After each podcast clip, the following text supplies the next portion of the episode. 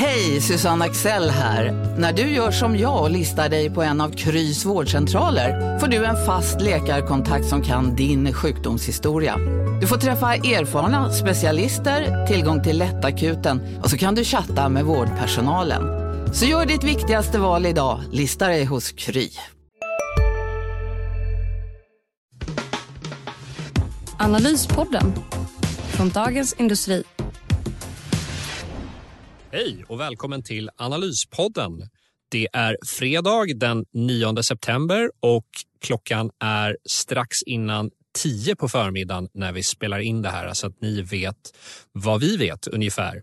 Och bakom mikrofonen idag står jag, Johan Wendel, reporter och analytiker på Dagens Industri och med mig har jag Ulf Pettersson, också analytiker på Dagens Industri. Välkommen Uffe! Tack ska du ha Johan, tack! Hur känns det? Med börsläget just nu? Ja, men det känns väl... Eh, ja, det är liksom det är dagsformen det handlar om här. Just nu är det ju bra då, för vi är upp en, eh, drygt en halv procent, 0,6 här efter en knapp timmes handel och vi var uppe igår också. Eh, I alla fall så stängde vi på plus. Vi var ner ganska rejält eh, under torsdags lunchtid och tidig eftermiddag efter ECB-beskedet. Eh, det, det är sådär på marknaden nu, det svänger. Eh, Både eh, mellan dagarna och till och med intradag. Så det är, det är lite osäkert där ute och det beror ju på eh, alla dessa räntebesked och elkriser och, och allting annat som vi har att avhandla. Ja, men precis. Och idag på fredagen så möts ju EUs energiministrar i Bryssel för ett extrainsatt toppmöte där man då ska diskutera eventuella nödåtgärder för att stävja den här eh, situationen som är på elmarknaden. Och under veckan så har det ju stått klart att, eh, eh, nej förlåt, i fredags stod det klart att ryska statliga gasbolaget Gazprom ströp gastillflödet till Europa, vilket har orsakat volatilitet här under veckan veckan. Eh, och vi har ju även haft ett räntebesked från den europeiska centralbanken ECB. Vad drog du för slutsatser av det, Uffe? ECB höjde räntan eh, 0,75. Det var den högsta eh, räntehöjningen någonsin egentligen. Det låg väl i korten, men ändå tycker jag att om något så var väl Lagarde och ECB-chefen lite mer, ska vi säga, stram i sin hållning än vad man kanske hade förväntat sig. Hon pratade även om att det kunde bli mellan två och fyra ytterligare räntehöjningar framöver här, plus att 75 punkter det var, det var stalltipset, men det var inte entydigt att det skulle bli 75 punkter. En del trodde nog kanske på 50 punkter, precis som förra gången. Så, så, så eh, de tar tag i, i, i räntan nu för att få ner inflationen här. Eh, vi såg hur marknaden inledningsvis eh, tappade ganska mycket på det där. Stockholmsbörsen var ner över 1 procent och tyskarna, eh, DAX-index, ännu lite mer, men sen så vände det upp när, när New York-börsen öppnade ganska positivt. Så, ja, eh, jag är lite, lite förvånad av att marknaden stiger idag och steg igår eftermiddag med tanke på det vi fick höra från ECB. Och även faktiskt var ju Powell då, eh, Eh, Lagardes eh, eh, centralbanks, amerikanska centralbankskollega, då, chefen för Fed, ute och eh, var fortsatt väldigt stram och eh, nu är ju verkligen 75 punkter inprisat från, från Fed här i räntehöjningen när de, när de ska träffas lite senare i september. Ja, och ja, det kanske är så. Marknaden kanske reagerar som det gör för att eh, centralbankerna är på efterkälken. De var på efterkälken när inflationen rusade och de kanske är på efterkälken nu och att vi i Europa i alla fall kanske redan är i recession, det vill säga att ekonomin krymper. Men det är kanske för tidigt att dra några stora slutsatser, eller vad säger du? Ja, det, det är ett väldigt osäkert läge där. Jag tror man får, vi kommer nog ha en marknad som, som rör sig eh, rör sig både upp och ner beroende på olika utspel som kan komma. Det kan ju komma väldigt stora så att säga, eh, åtgärder för den här elkrisen vi har och det skulle då kunna stödja börsen kortsiktigt. Men eh, så att säga, lyfter man blicken en aning så är ju ändå, skulle jag vilja säga, eh, börstrenden sedan januari nedåtriktad. Så jag är inte riktigt säker på att vi kommer hålla oss över 1900 på OMX30 exempelvis, utan vi ska ner mot 1800 igen. Men som sagt var, det är ju det avgörs ju mycket här om inflationsdata inte minst och vi får ju KPI-siffror. Vi ska väl prata lite mer om vad som händer i nästa vecka, men KPI-siffror från USA kommer ju bli väldigt, väldigt intressant och är de då högre än väntat så får vi en börsnedgång, är de lägre än väntat så kommer vi få en börsuppgång. Om vi kikar lite på bolagsnyheter som har varit i veckan så kunde ju vi på DI eh, avslöja eh, igår att eh, Ericsson, Ericssons ordförande, belgaren Ronny Leten, verkar vilja lämna sin post som ordförande i Ericsson. Och det här ska vara bland annat till följd av att han har fått hantera mycket korruptionsskandaler, det vill säga Ericsson, verksam, Ericssons verksamhet i Irak som har varit liksom eh, svårhanterad och tungutredd materia. Inte helt tacksamt kanske att, att syssla med som ordförande i ett börsbolag. Eh, och sen så nekades ju även styrelsen ansvarsfrihet på den senaste Ericsson-stämman. Kanske inte heller är eh, någonting som uppskattades helt och hållet av ordföranden. Vad, vad, tror du Uffe, skulle det här kunna lyfta Ericssons aktie på något sätt eller är det ett sänke om han lämnar Ronny Leten? Jag skulle säga att eh, nyheten är eh, negativ till aktien. Man ser det inga stora rörelser, men Ericsson hänger inte med i dagens börsuppgång. Eh, det har nog att göra med den här, den här, det här avslöjandet som Dagens Industri, eller som vi har idag. Då. Eh, och anledningen att det är negativt är att det så att säga eh, adderar osäkerhet till Ericsson eh, som bolag och aktie. En osäkerhet som redan nu är ganska betydande då med, med den oklarhet som råder kring amerikanska böter och hur mycket de kan handla om, om det kan bli värre än så. Och sen så har vi då den här affären med Vonage som, Vonage som man, eh, 60 miljarders affären som man nu eh, fick fick klart då i juli och lite hur, hur, den marknaden utvecklas. Vi har ju sett hur Sinch, en konkurrent till Bonage, har haft det väldigt besvärligt på börsen. Ehm, och så, där. Så, så ska man då byta även styrelseordförande så, så, så adderar det osäkerhet. Så jag, jag förstår att det är ingen stor rörelse så där, den oförändrade Ericsson jämfört med börsen som är upp knappt en procent. Då. Men, men som sagt var, det, det, det, det är osäkert, ehm, eller adderar osäkerhet får man väl ändå säga om vi kikar också på vad som har hänt mer i veckan här så har ju prylkedjan Clas Olsson eh, redovisat eh, sin senaste kvartalsrapport, vilket är Q1 i deras brutna verksamhetsår. Och eh, det, man får väl säga att det var en rejäl miss här. Man bommade på resultat, resultatet och försäljningen krympte med en procent. Man har välfyllda varulager och eh, det, det, är väl ingen eh, vågad gissning att man måste dra till med prissänkningar för att försöka bli av med det här varulagret också. Det här är ju ett tecken på kanske att eh, konsumenterna där ute är inte så sugna på att konsumera särskilt mycket utan man håller lite i plånboken på de köp man kan. Det är svårt att kanske dra ner på e-, elförbrukningen i jättestor utsträckning. Den är ganska inelastisk eh, många gånger men man kanske inte behöver köpa den där prylen på Clas Olsson, eller vad, vad tror du Uffe? Ja, så är det nog. Och det som förklarar, de tjänade då 16 miljoner var det väl. Eh, de gjorde en förlust om man räknar med eh, nedläggningskostnader i Storbritannien. Men eh, borträknat dem då så var det 16 miljoner rejält resultatfall och aktien var ju ner 13 procent på rapporten, eh, vilket är mycket. Eh, och det beror ju då på resultatutvecklingen eh, och den resultatutvecklingen beror ju på att Clas Ohlson hade, hade trott på en stark marknad, köpt in mycket grejer, fick inte sålt, var tvungen att rea, kostade bruttomarginal, kostade även marknadsföringskostnader som, som ökade och det slog rejält på resultatet. Och tittar man då för augustisiffrorna som inte ingick i resultatet, men de släppte dem samtidigt, så var ju det då kan man säga, eh, den ökade ju oväntat mycket försäljningen i augusti, men frågan är vad värdet är av den. Om det beror på att man verkligen har reat under augusti här och så att säga sålt till, till väldigt låg, låg lönsamhet så är inte det heller bra på något sätt, även om det är förstås bra att få ner laget lite grann. Men,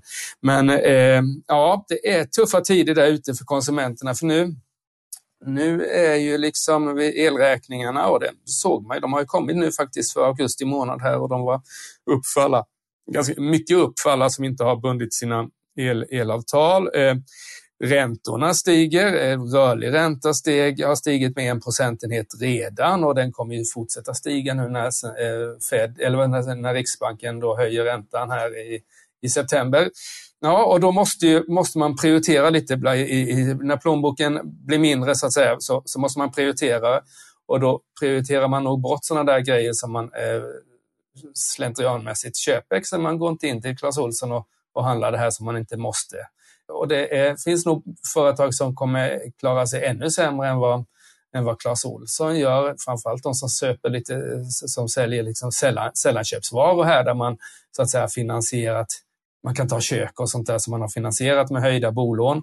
Och nu kan man inte höja bolånen längre för fastighetspriserna sjunker och då kan man inte heller hur som helst köpa ett nytt kök för, för det är inte alla som har liksom 150 000 att lägga upp eh, utan, utan lån. Eh, så det är nog eh, tufft för många, många detaljhandlare där ute och man ser ju också hur kursutvecklingen har varit. Eh, H&M tillhör ju de som verkligen har förlorat här under veckan med neddragningar och, och så där. Så det ska bli intressant att se när deras rapporter kom, i, i, eller deras försäljningssiffror kommer i, för nästa vecka. Ja, och det här har vi pratat flera gånger om tidigare, men när, precis som du beskriver, när konsumenterna pressas nu från flera håll med höjda boräntor, höjda elpriser och alla priser går upp i, i princip, då, då, blir det till slut blir det svårare att komma undan med prishöjningar jämfört med kanske situationen som vi hade förra sommaren när man kanske hade mycket besparingar, när man har haft låga utgifter under pandemin och när prisökningarna dessutom har varit väldigt låga under en väldigt lång tid.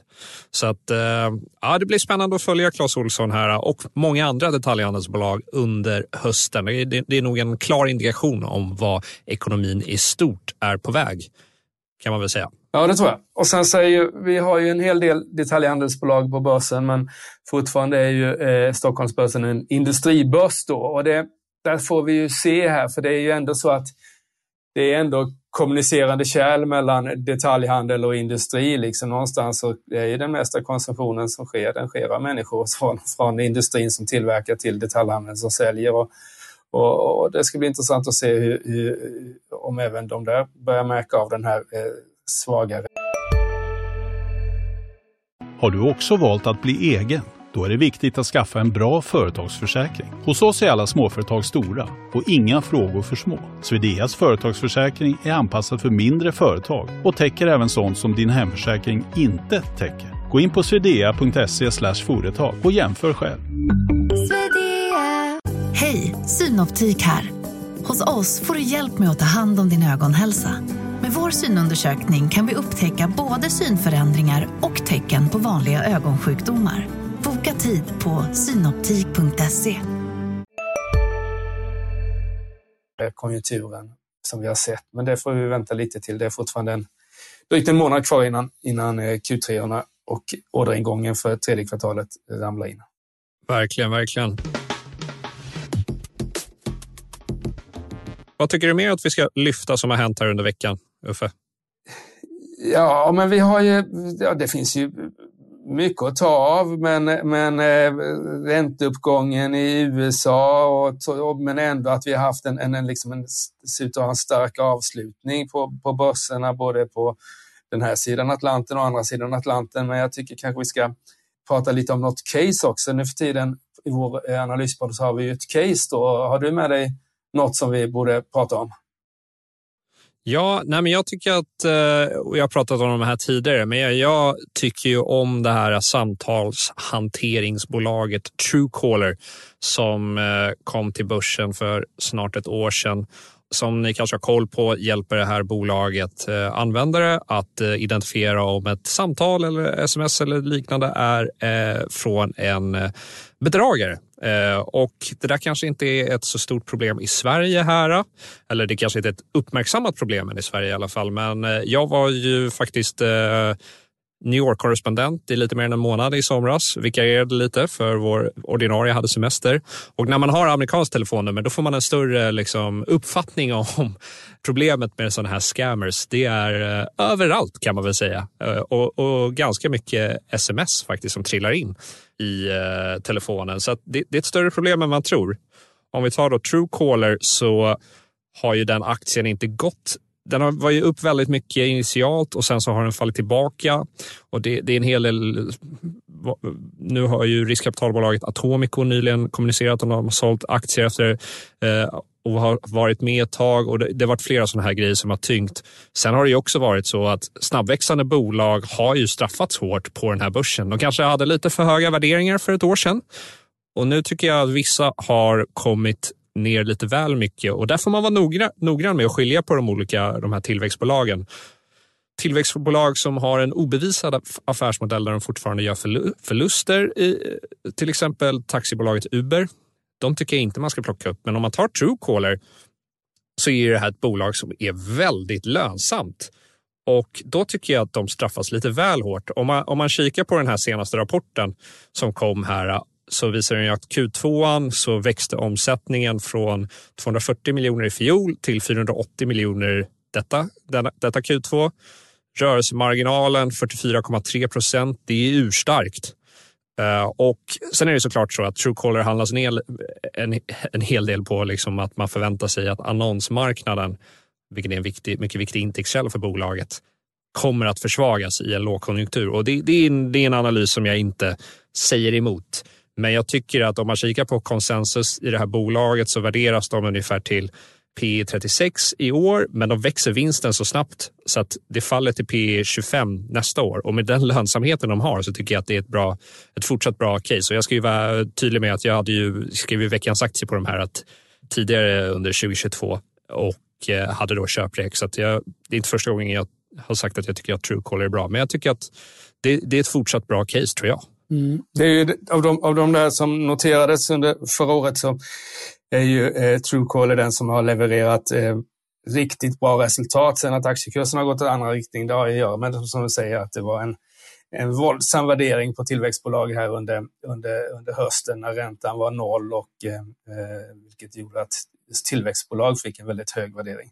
Eh, nu har det ändrats lite med räntan, så jag tror att räntan har varit med och sänka, sänka eh, Truecaller. Men jag, jag har ingen, ingen anledning att säga emot dig, utan du kan Truecaller betydligt bättre än vad jag kan. Eh, själv så skulle jag vilja lyfta fram ett annat sånt här hög P talsbolag eh, som inte växer lika snabbt som, eh, som eh, Truecaller, men som ändå har en väldigt intressant framtid, eh, nämligen Nibe som eh, kom med sin Q2 för inte så länge sedan. Eh, den var väl eh, den var, den var bra, den var ungefär i linje med vänt, som förväntat, men eh, Gert-Erik Lindqvist var väldigt optimistisk om andra halvåret och framförallt att marginalen, som var lite pressad till följd av eh, komponentbrist och sånt där, eh, ska förbättras under, under andra halvåret. Och framförallt så räknar jag med att att eh, eh varenda europeiskt land och kanske även på liksom, ska vi säga, EU-nivå eh, kommer komma med eh, incitament för att vi ska få ner eh, energikonsumtionen. Och då ligger Nibes eh, olika eh, värme, värmeprodukter eh, väldigt, väldigt bra till där. De har en stark ställning i Europa, de har en stark ställning i USA också, men, men eh, ja, den är inte billig. Det är, liksom, det är högre värdering än, Truecaller på P tal men, men eh, som sagt var, få, få bolag har samma strukturellt intressanta verksamhet som, som Nibe har just idag. De håller på dessutom att Eh, investera 5 miljarder kronor i nya fabriker nere i, Markaryd bland annat och eh, eh, det där kommer nog kunna fyllas så småningom.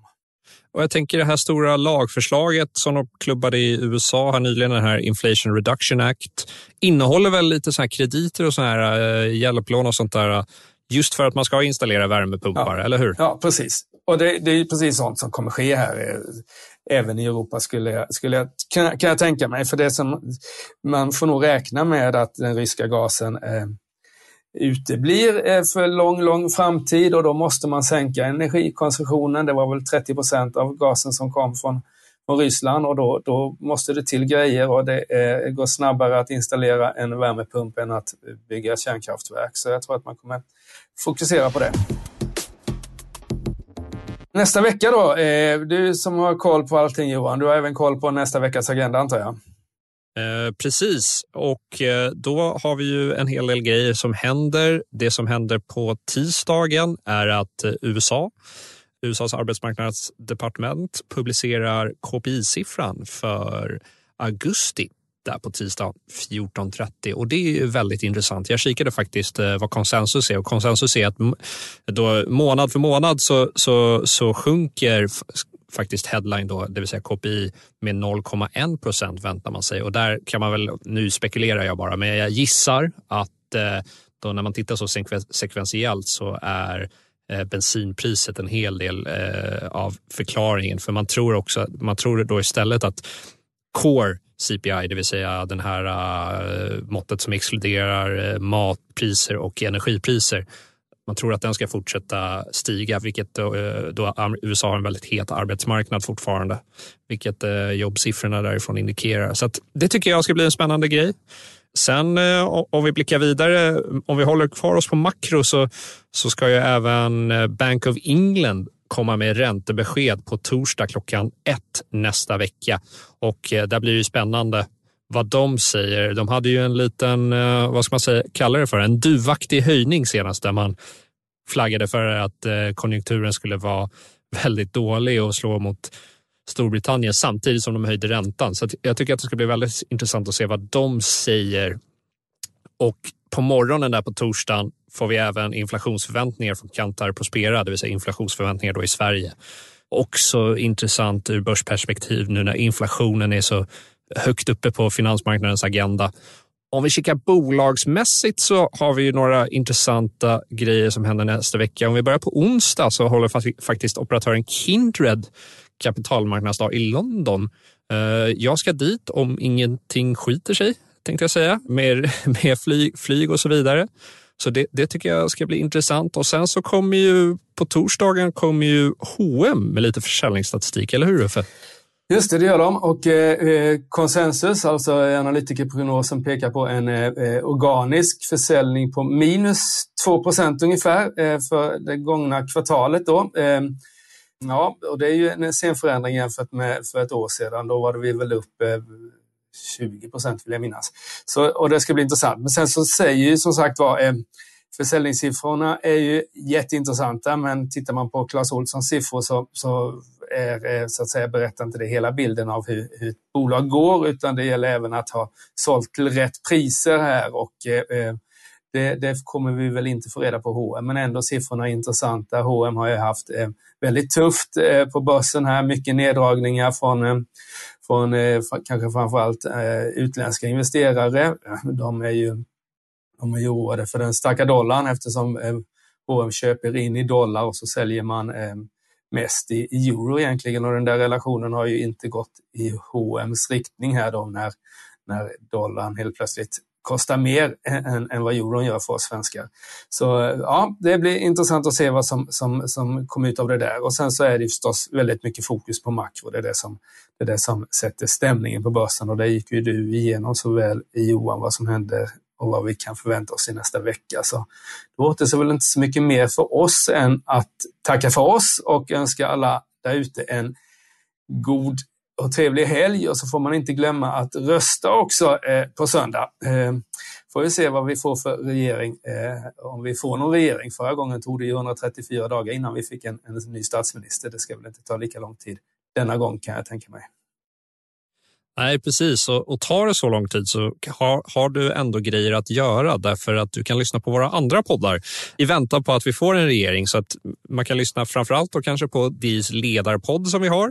Eh, vi har ju även Makrorådet som handlar om makroekonomi och, och, och, så vidare som görs av vår kollega Viktor Munkhammar. Vi har Digitalpodden som kommer från våra kollegor på DI Digital och Smarta pengar, en podd om privatekonomi och så även den dagliga nyhetssammanfattningen Morgonkoll som man kan lyssna på. Så det finns en hel del att konsumera.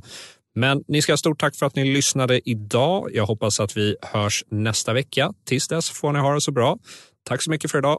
Trevlig helg. Hej då! Tack, tack. Hej! Analyspodden från Dagens Industri. Programmet redigerades av Umami Produktion. Ansvarig utgivare Peter Fellman.